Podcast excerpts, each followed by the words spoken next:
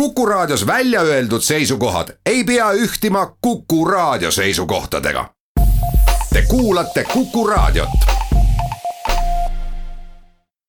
Eesti Apteekrite Liidu peaproviisor Kadi Sarv, tere päevast. tere päevast me teatasime ette, et juttu tuleb ravimite kättesaadavusest. see teema ei ole mitte sugugi nii lihtne, kui võib-olla mõnele jääb mulje, kui ta midagi selle kohta ajakirjandusest loeb, aga võib-olla just tundubki see hoopis keeruline.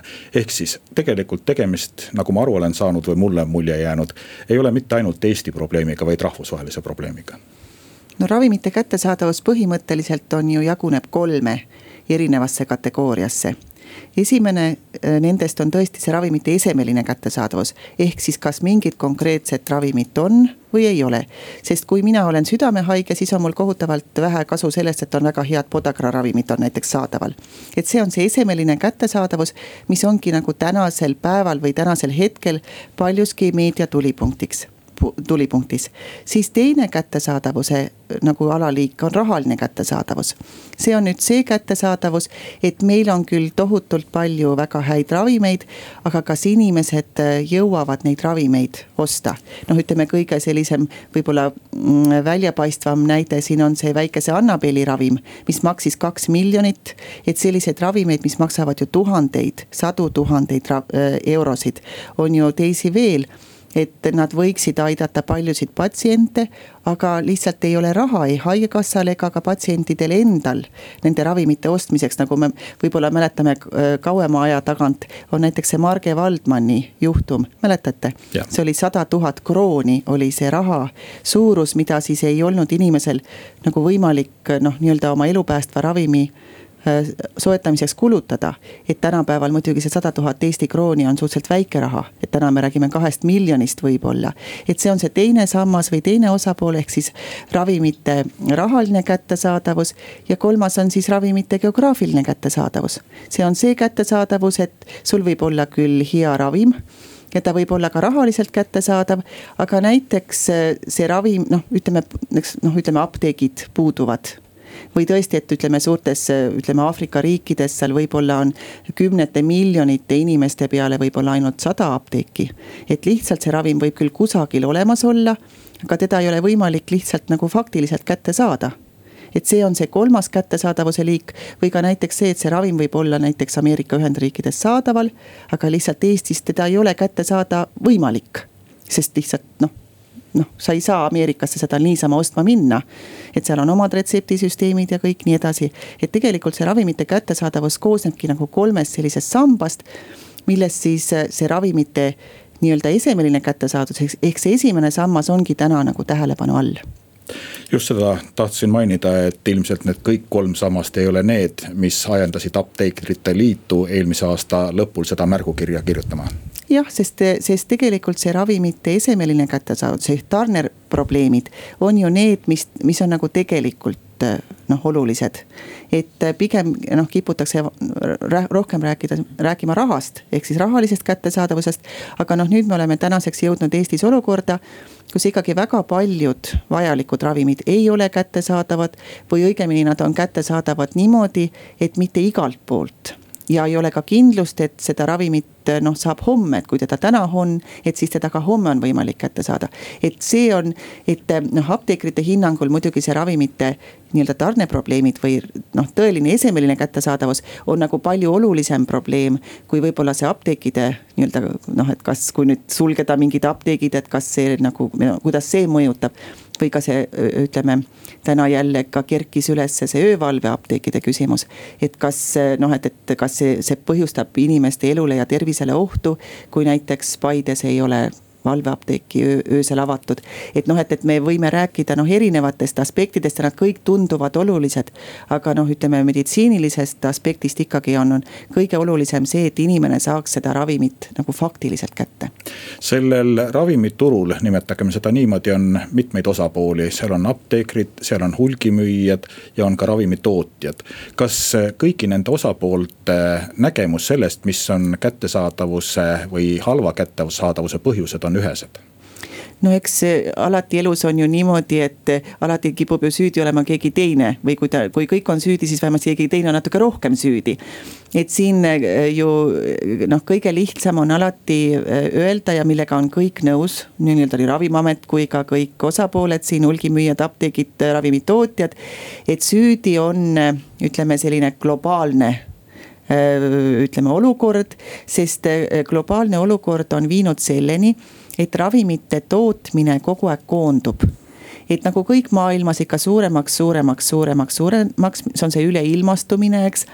Ja, ja mis tähendab ka seda, et tootmine viiakse välja äh, kallimatest riikidest odavamatesse riikidesse.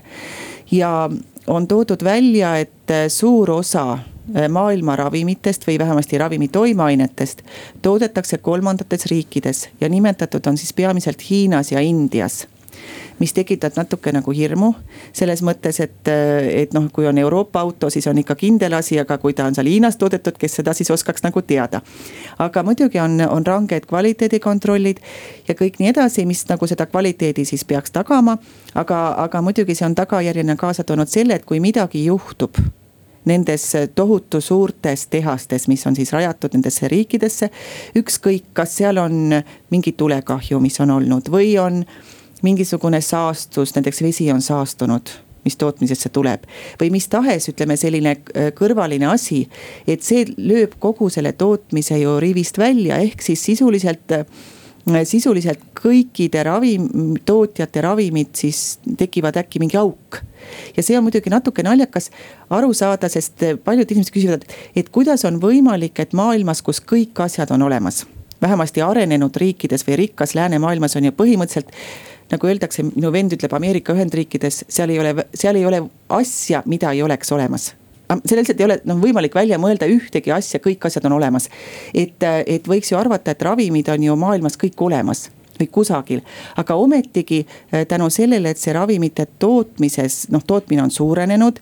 Need toimeaine või tooraine tootjad on koondunud, et kui tekib üks probleem siis see täiesti nagu kulutulu, tuli läheb kõikidesse valdkondadesse ja, ja sisuliselt, kui me näiteks räägime siin praegu ütleme, väga lihtne asi, äh, südame-veresoonkonna ravim, telmisartaan hüdrokloordiasiidiga ja see on väga paljudel inimestel kasutusel, väga ütleme, tal on mitmed paralleelsed, ütleme geneerikud ja kõik nad on praegu tarneprobleemides. et äh, kui nagu ühe ja, ja tood- ja, ja toodi põhjuseks, et äh, tegemist on liini tootmisprobleemiga.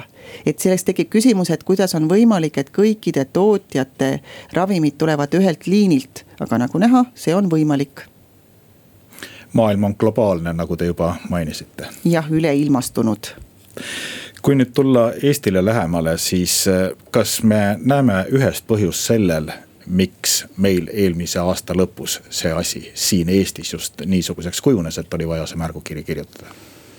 no ühest põhjust muidugi ei ole ja, ja kõige rohkem vaadatakse siin müügiloa hoidjatele ehk tootjatele otsa kellel ja, ja öeldakse, et põhjuseks on ka see, et tõesti see nagu see ühes kohas tootmine ehk kõik munad ühes kurvis põhimõte.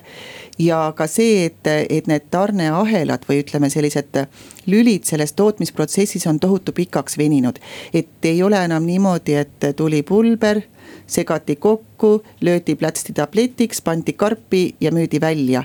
et sellist tootmist, kus ütleme, toorainest toodetakse ravim nii-öelda sisuliselt pakendini, et ei ole olemas. sest on nii, et üks toodab tooraine, teine toodab mingi järgmise komponendi, siis kolmas segab. siis viiakse see neljandasse kohta, sealt hakatakse tegema mingisugust nagu eeltoodet, sest ega tabletti tihtipeale ei lööda ju nii-öelda pulbrist kokku lätsu. vaid see tehakse granulaat või mingi teine nii-öelda eeltoode.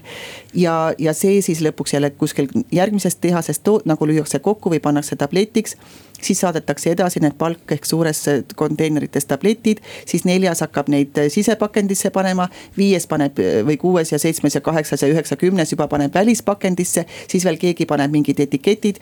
et, et see on noh, niivõrd tohutu pikk ja neid võimalusi probleemide tekkimiseks on väga palju ja muidugi kõige rohkem praegu öeldakse ja vaadataksegi, et on ravi, et probleemid on ravimite tootmise tasandil, ehk siis ükskõik millises tootmisahela etapis ja muidugi siis järgmised juba probleemid tulevad siis nagu järgmistes etappides juba siis hulgimüügi ja apteegi tasandil. sest äh, ravimite puhul tegelikult on nagu päris hästi äh, lahutatud nagu erinevad etapid, ehk ravimite tootmine on nagu üks, kuigi ta on paljudest osakomponentidest koosnev. et ravimite tootmine on nagu üks selge tasand siis on nii-öelda hulgimüügi tasand ja siis on apteegi tasand sest ütleme, selliseid kolmandaid distributsioonivõimalusi ikkagi üli noh, nagu maailmas eriti ei ole, et need kõik need hulgimüük, apteek ja tootmine on nagu kõikides riikides, et.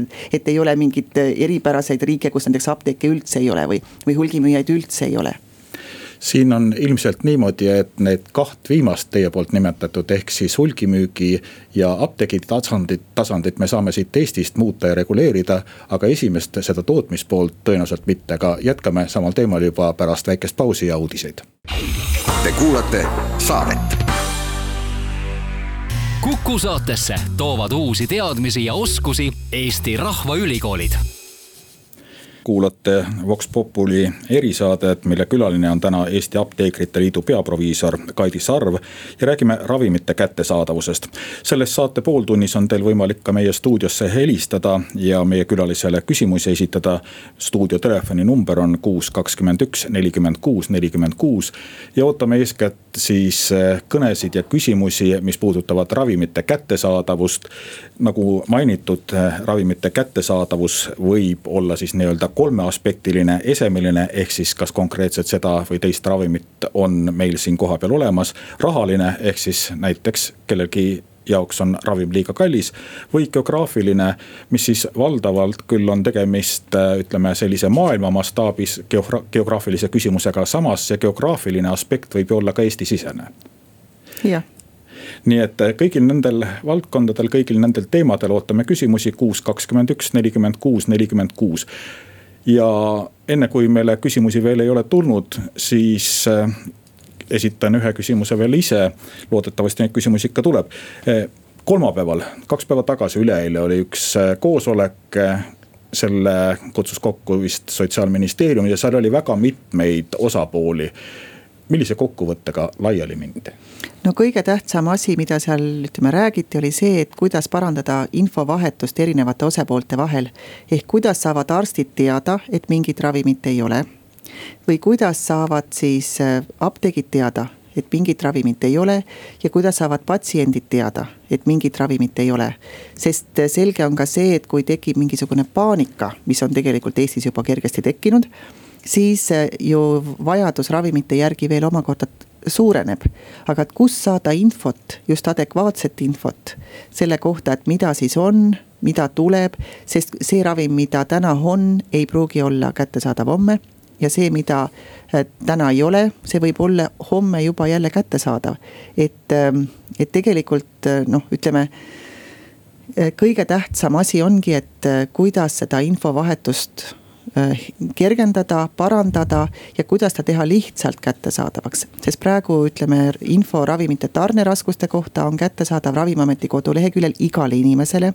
kui te vaatate Ravimiameti koduleheküljelt, avalehelt on paremal nurgal on äh, registrid ja sealt on siis ravimiregister või humaanravimite register.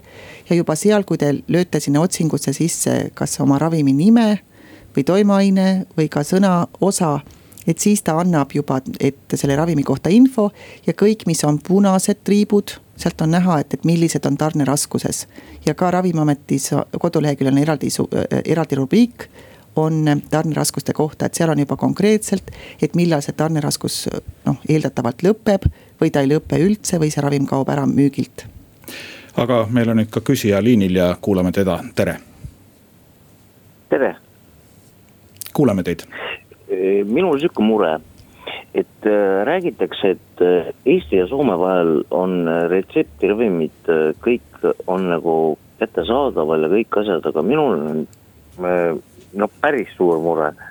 et inimene äh, peab kasutama timoniili kaks korda päevas ja Soome ei, üldse ei müü nihukest asja ja ja mina ei saa seda osta Tallinnast, kuna mina ei ole nagu see retseptiravimi omanik. et et, et, et mismoodi nüüd siis nagu teha, et, et, et kui Helsingis seda lihtsalt ei müüda ja mis, mis nendega edasi saab? kas ma sain õigesti aru, et see retsept on välja kirjutatud Soomes ja see on välja kirjutatud ei, Timo Nii? ei, ei, ei, retsept on välja kirjutatud Eestis. jaa. Aga inimene elab Soomes ahhaa, ja Soomes seda ravimit ei ole üldse saada, sest nad ei tunne seda ravimit ja Eestis ei ole saada selle tõttu, et on tarneprobleem või? ei, Eestis äh, on seda ravimit äh, saada ainult praegusel juhul Viru keskuses. aga mina ei saa seda välja osta, et kasvõi see viia ära sinna Soome, sellepärast et mul ei ole õigust välja osta siukseid ravimeid äh, põhimõtteliselt on nii, et kui tegemist on Eesti retseptiga, siis on õigus äh, osta ju igal inimesel, kes teab selle retsepti omaniku isikukoodi. ja, äh, ja, ja kelle, kes siis esitab oma isikutunnistuse apteegis, eks retsepti välja või ravimi väljaostmisel, et te välja osta saate. nüüd, kui teie tahate, kui see on retseptiravim ja te tahate ta viia Soome, siis põhimõtteliselt saab ainult isiklikuks kasutamiseks, et kas teil nagu tollis tekib probleem või väljaostmisel? väljaostmisel aga huvitav, mikspärast? Et ma ei oska seda nagu põhjust leida, et põhimõtteliselt Eestis välja kirjutatud ravimeid, mille retsept on avatud. selles mõttes, et ta ei ole keelatud teistele väljaostmiseks, sest arsti juures võib panna ka sellise märke, et ravimit võib välja osta ainult patsient isiklikult. see on võimalik, seda haruharva kasutatakse. aga, aga et kas äkki on seal see probleem ilmselt me seda konkreetset vastust ei tea ja siin päris konkreetselt ka vastata ei saa hetkel jah, sellele küsimusele. seda Timo Niili asja jah, siin konkreetselt praegu kommenteerida.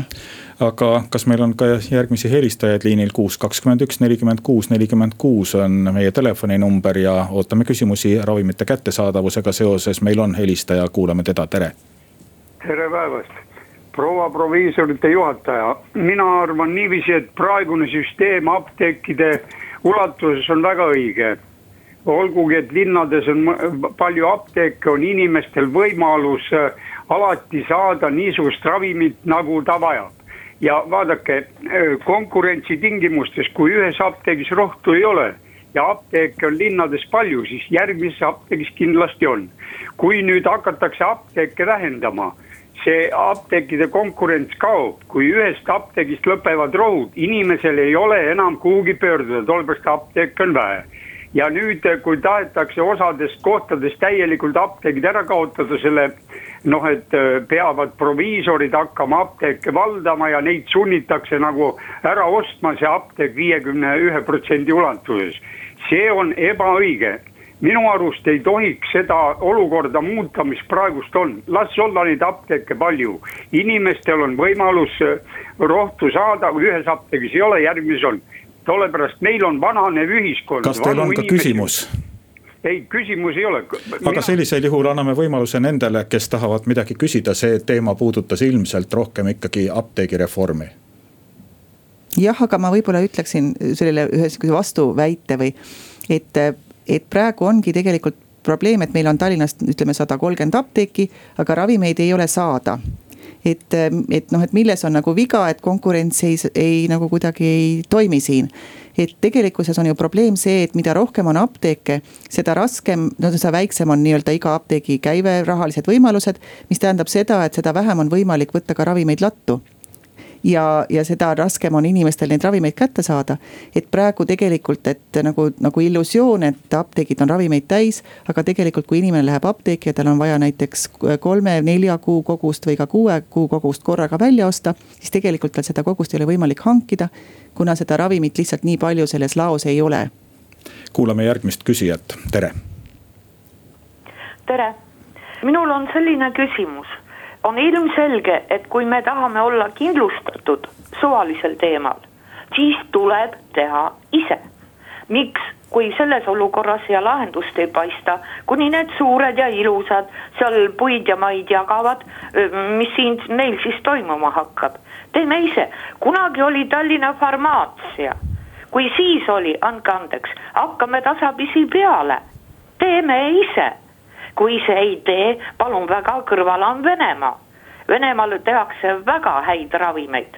Brüssel ei luba, Brüssel las läheb suure paksu puu taha ja nii ongi ja see, see on muidugi selge, et siseriiklik ravimitööstus on üks nagu turvalisuse garant ja, ja selleks suuremad noh, nagu riigid ikkagi mingil määral ise toodavad. Eestis tõesti need ravimitööstus on väga vähe, noh väga väikeseks jäänud, Tallinna farmaatsiatehas tegutseb. ta on Grindexi korporatsiooni osa, ta toodab ainult salve praegu ja Põlvas oli Takeda, algselt Nükomed, eks. nüüd kelle käes ta praegu on, ei oskagi öelda. et, et muidugi siseriiklik tootmine aitaks asja parandada. kuid siin on jälle noh, ütleme probleem selles, et alati peab kõik olema väga suur, ehk tootmine peab olema tõhus, efektiivne. selleks, et saavutada sellist nagu tõhusat ja efektiivset tootmist peab see olema hästi massiline, ta peab tootma poolele maailmale. et vaata, siin on need väike, et väike küll on tõesti hea ja optimaalne. et mina ise mõtlen, see on noh, puht minu isiklik arvamus, et meil on Eestis tegelikult sellised tublid äh, toimeainetootjad ja ravi, ütleme sellised äh, eksperimentallaboratooriumid, mis toodavad erinevaid aineid. et nende baasil võiks olla täiesti nagu mõeldav mingisuguse väikese, väiketootmise või nii-öelda Eesti vajadustele vastava tootmise sisseseadmine. aga noh, see muidugi peab keegi jälle algatama, kuskilt peab tulema tõuge, kuskil peab olema vajadus. ja see ravimite tarneraskus ongi selline noh, mis annab tõuke võib-olla selliste asjade tekkeks taas ühe küsimuse jõuame vist enne väikest pausi veel võtta, meil on küsija liinil, tere. tere. kuulame teid. Äh, tahan küsida, millal tuleb selline ravim nagu Ceforapiid. seda juba ammu aega äh, lubati, et novembris tuleb ja ikkagi ei ole ja see, sel ei ole üldse analoogi mingisugust, ainult selle nimetuse all konkreetselt ei oska selle ceforapiidi äh, kohta öelda, et äh, kõikidel nendele patsientidele, kes äh, noh, otsivad konkreetset ravimit, mida ei ole ühtegi analoogi.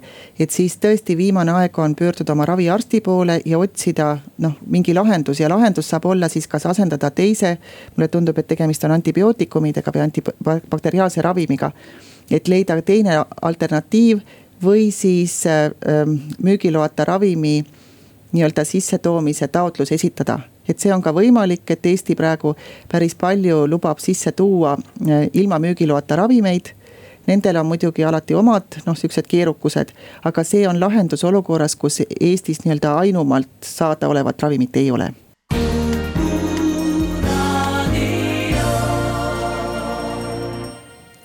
ja jätkame Vox Populi erisaate küsimuste osa. meil on täna külas Eesti Apteekrite Liidu peaproviisor Kaidi Sarv. ja meie telefon kuus, kakskümmend üks, nelikümmend kuus, nelikümmend kuus, meil on ka juba küsija liinil, anname talle sõna, tere. hallo, tere päevast. kuuleme teid. mul selline küsimus, et äh, miks apteekides enam äh, seda nähtamatuse rohtu ei müüda? kas see on mingisugune võlumantlike, mis peaks inimese nähtamatuks muutma, ilmselt me sellele küsimusele vastata ei oska. aga kuus, kakskümmend üks, nelikümmend kuus, nelikümmend kuus on jällegi helisenud ja kuulame hoopiski järgmist küsijat, tere. mina saan nüüd aru niimoodi, et, et aegu ammuseid eh, tagasi juba, et apteegid olid ikkagi riigi, riigi halduses eh, see on ju täpselt, ravimid on sama strateegiline, nagu meil on eh, energia ja, ja raudtee ja miks ei võiks olla, et apteegid on kõik riigi halduses või valduses?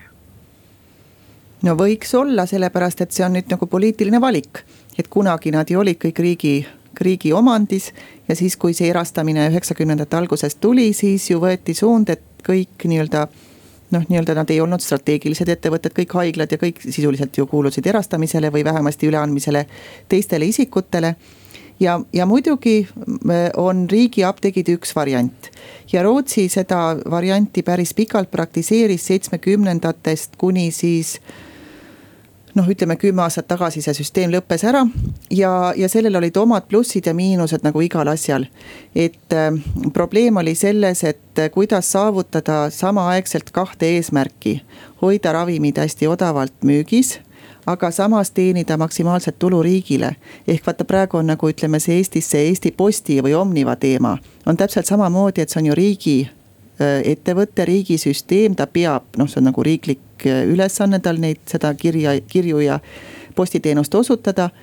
Aga samas noh, et kuidas tagada seda nii-öelda selle efektiivsust, ühelt poolt on ju väga lihtne panna postkontorid kinni et apteekide puhul Rootsis oli samamoodi, et apteeke oli võimalikult vähe selleks, et äh, hoida kulud madalal nii et igal juhul on tegemist poliitilise otsusega ja, ja seda ei saa ametnikud ilma poliitikuteta mitte kuidagimoodi otsustada. kuulame järgmist küsijat, tere. tervist, mul selline küsimus, miks gripivaktsiin on nii kallis ja kõik kinni peavad maksma, miks riiklik ei toeta, riiklikku toetust ei ole? Äh, riik toetab või maksab kinni ainult riiklikus immuniseerimiskavas olevad vaktsiinid, mis on põhiliselt siis suunatud lastele, eks laste vaktsiinid. ja, ja, ja muidugi on eraldi komitee, kes neid vaktsiine iga kord kaalub, et kas lisada või mitte lisada, sest selge on see, et kui lisada sinna tasuta vaktsiinide nimestikku mingi vaktsiin, siis noh, mis see rahaliselt kaasa toob, siis tuleb riik selle kõik kinni maksta ja on leitud, et gripivaktsiin noh, ei kuulu selle, sellesse kategooriasse et gripivaktsiin on praegu noh, ütleme ta hind võib olla erinev, aga ütleme keskmiselt viisteist eurot. et see on nagu leitud, et see ei ole nii-öelda vaeseks muutev ilmselt summa, et seda jõuab inimene maksta. et, et muidugi, kui on erirühmad, see on siis tervishoiutöötajad ja teised isikud, kes on siis gripist ohustatud, nendel maksab selle kinni tööandja ja samamoodi ka hooldekodude elanikud, sel aastal esimest korda kaheksa tuhat hooldekodu elanikku, keda siis vaktsineeriti riigi poolt, ehk riik maksis selle vaktsineerimise kinni. aga teistel paraku jah, tuleb ise maksta. järgmine küsija ootab ka sõnavooru ja tere teile. tervist, minul on selline küsimus, et apteekrid on küllaltki varmad pakkuma asendusrohtusid originaalidele ja kui ma kuulasin teie eelnevat juttu, et, et tootmised on Äh, ka äh, läinud sinna teistesse kolmandatesse maadesse, et kas siis on äkki tegemist siis selle rohuga, mis on tulnud sealt kaugemalt, aitäh no kõik rohud ongi tulnud kõik kaugemalt, et äh, kus nad täpselt on tulnud, seda muidugi on raske, ütleme kõrvaltseisjalt kin-, kindlaks teha. aga, aga fakt on see, et, et see tootmine toimub kuskil mitte Eestis ja ja, ja tõesti paljudel tootjatel tundub, et need ravimid toodetakse samas tehases. lihtsalt pannakse neile erinev, erinev silt ja erinev nimi ja, ja nad võib-olla näevad erinevat moodi natukene välja. ja erinev hind. ja erinev hind, et, et selles mõttes jah, et nad on noh, ikkagi ütleme teaduslikus mõttes on kõik analoogravimid ehk geneerilised ravimid nagu samaväärsed ja üksteisega vabalt asendatavad ja muidugi ka seadus kohustab apteekrit kõige odavamat alati pakkuma ja see on hea. kuulame järgmist küsijat, tere. tere, mul on äh, sisuliselt kaks küsimust kilpnäärme probleemidega seoses. esiteks on see, et kuna kilpnääre on seotud alati joodi omastamisega, siis äh, arvestades seda, kuidas hambapasta sisaldab fluori, ei ole enam ühtki, mis ei sisaldaks, ometi äh, fluor takistab nagu joodi omastamist organismis.